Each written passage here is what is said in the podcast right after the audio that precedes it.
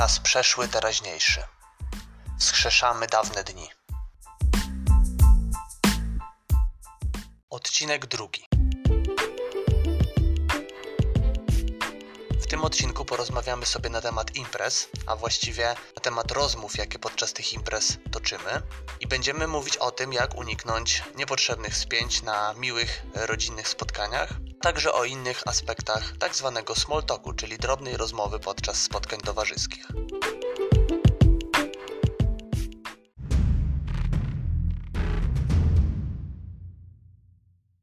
Wszyscy lubimy spotkania towarzyskie.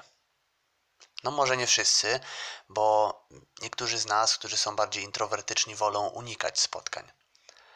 Ale możemy założyć, że większość z nas naprawdę lubi, kiedy w gronie znajomych spotykamy się, żeby spędzić wspólnie czas. Przygotowujemy się do tych spotkań, przygotowujemy jakieś jedzenie, ewentualnie ciasto, sprzątamy dom. Chcemy, żeby to spotkanie wypadło jak najlepiej. Przychodzą goście, wszyscy zbierają się, siadają na swoich siedzeniach, czy to przy suto zastawionym stole, czy gdzieś tam w fotelach, na sofach. I zaczyna się to, o co w spotkaniach towarzyskich chodzi, a mianowicie zaczynamy ze sobą rozmawiać. I teraz, w zależności od tego, jakie to jest spotkanie, rozmowy będą różne. Ale mówimy dzisiaj o takich spotkaniach, gdzie spotykają się ludzie naprawdę różni. Czasami ludzie, którzy się nie znają, czasami rodzina i członków tej rodziny widzimy na przykład raz w roku, czyli te słynne świąteczne obiady, czy też wigilijna kolacja. Nie za bardzo na początku wiadomo o czym rozmawiać. Rozmowa się może dość mocno nie kleić. Po pewnym czasie nawiązują się jakieś rozmowy, ludzie udają się jakby w osobne miejsca, łącząc się w grupki, i wtedy zaczyna się ta główna część spotkania, czyli small talki, czyli te drobne rozmowy na różne tematy. Każdy lubi co innego. Kobiety rozmawiają zazwyczaj o czym innym, mężczyźni o czym innym.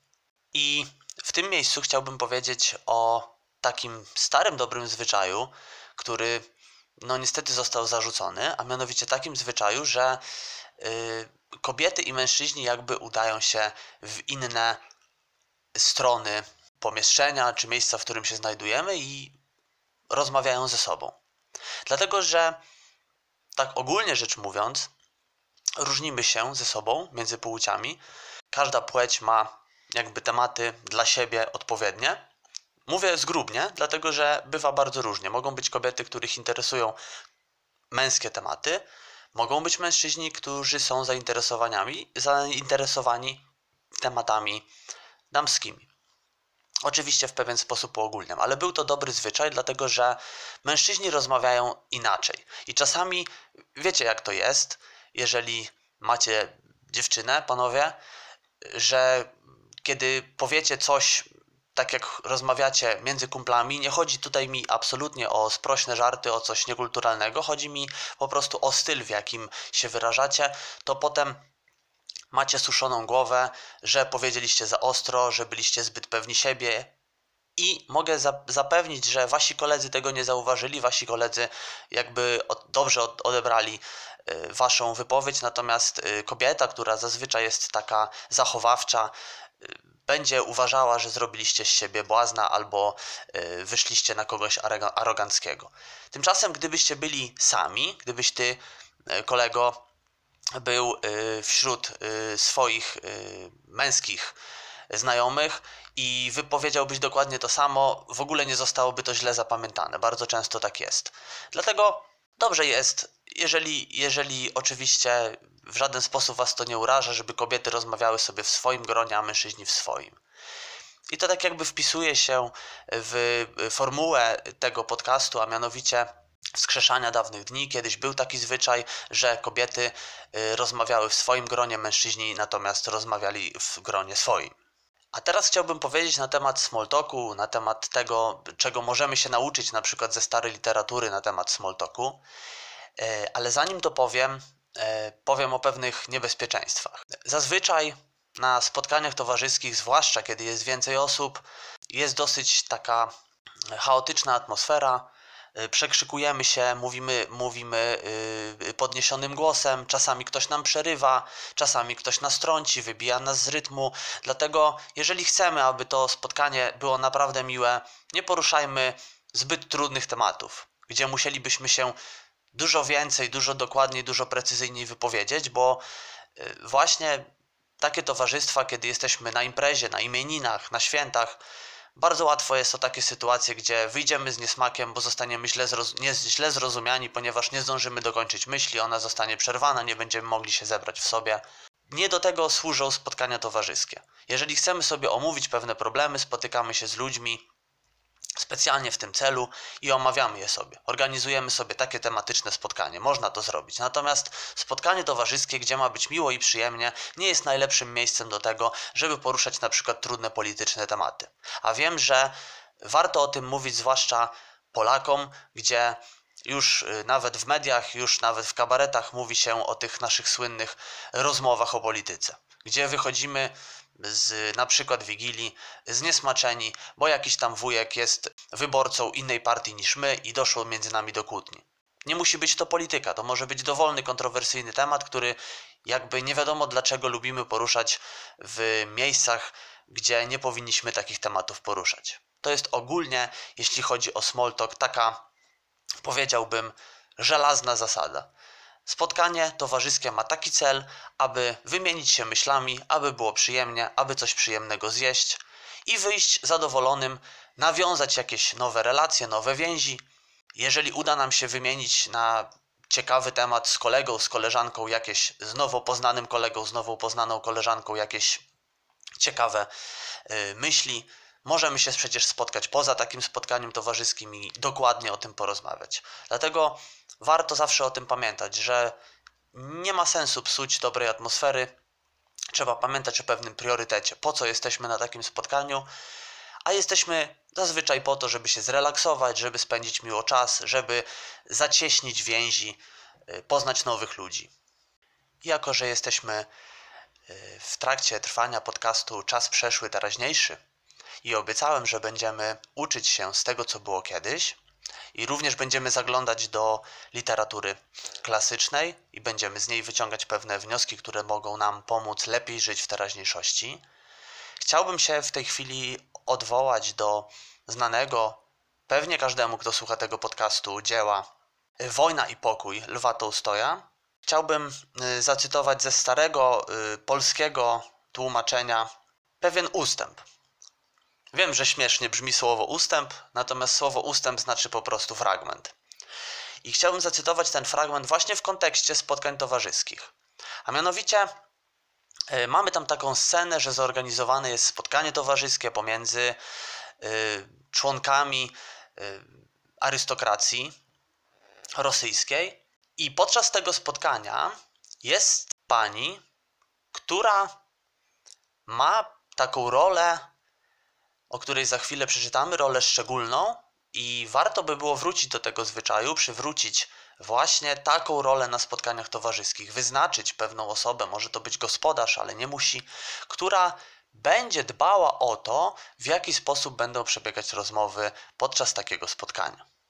Zatem posłuchajmy. Wyobraźmy sobie scenę, którą nakreślił nam tutaj Lew Tolstoj.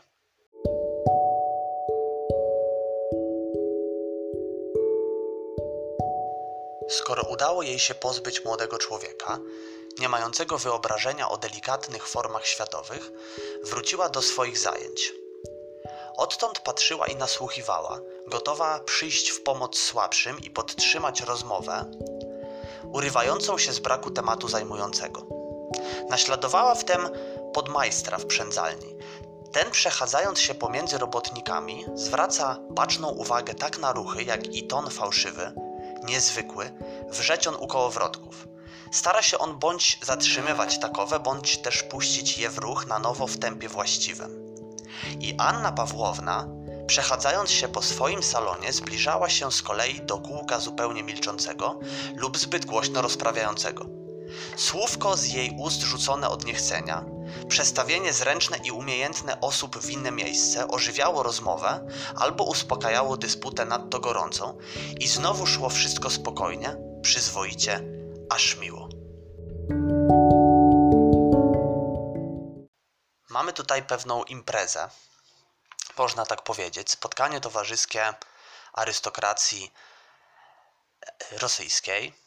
Jest gospodyni Anna Pawłowna, która ma za zadanie zadbać o to, aby wszyscy na tym spotkaniu czuli się dobrze i aby nie doszło do jakiegoś incydentu. I widzimy tutaj, że ma, dobrze spełnia to, tą rolę. Ta rola jest y, porównana do podmajstra w przędzalni, który chodzi pomiędzy robotnikami i zwraca uwagę na ruchy, fałszywy ton wrzecion u kołowrotków. Jedne stara się zatrzymać, a inne puścić w ruch na nowo w tempie właściwym. Jest to pewien obraz, bardzo ciekawy. Następuje tutaj porównanie do ludzi. Jana Pawłowna, właśnie chodząc po swoim salonie, kiedy rozmowa się nie kleiła, to starała się ją rozniecić. Kiedy dysputa była aż nadto gorąca, jak tutaj stwierdzają, stwierdza autor, to starała się ją uciszyć. Czasami zręcznie przestawiała osoby, umiejętnie przenosząc je w inne miejsce. I tak dalej, i tak dalej. Robiła to bardzo zręcznie i dzięki temu ludzie chętnie odwiedzali jej salon i chętnie bywali w jej domu. Jak bywam w różnych towarzystwach, tak nigdy nie widziałem, żeby był taki mistrz ceremonii, który właśnie zajmuje się utrzymaniem porządku e, na sali, czy też podczas jakiejś imprezy, a warto byłoby, bo tak jak mówiłem wcześniej, spotkania towarzyskie są właśnie tym, są spotkaniami towarzyskimi, nie są dysputami politycznymi, nie są dysputa, dysputami teologicznymi czy naukowymi, są dużo lepsze miejsca niż spotkania towarzyskie na takie rozmowy. Natomiast spotkanie towarzyskie powinno służyć właśnie zacieśnianiu więzi, budowaniu nowych relacji, poznawaniu nowych osób. I warto byłoby wskrzesić zwyczaj takiego mistrza ceremonii, który chodziłby od grupki do grupki i dbał o to, żeby wszystko biegło tak, że aż miło, jak stwierdza Lew Tolstoj w tym ustępie wojny i pokoju, który czytaliśmy. Mam nadzieję, że zainspirowałem Was do jakichś ciekawych myśli. Tymczasem kończymy dzisiejszy odcinek i oczywiście zachęcam Was do tego, abyście czuwali, ponieważ już w najbliższym czasie będą pojawiać się kolejne. Tymczasem życzę Wam wszystkiego dobrego. Bywajcie.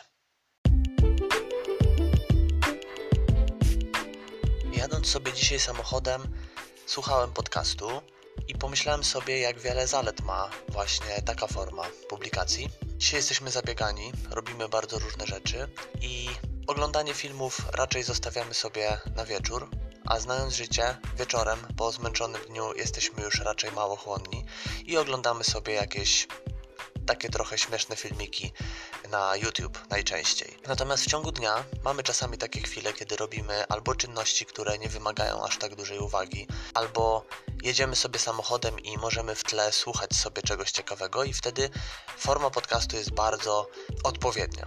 Dlatego zachęcam Was do tego, abyście słuchali sobie mojego podcastu w trakcie wykonywania właśnie takich niewymagających uwagi czynności, abym mógł być razem z Wami do usłyszenia w przyszłym odcinku. Bywajcie.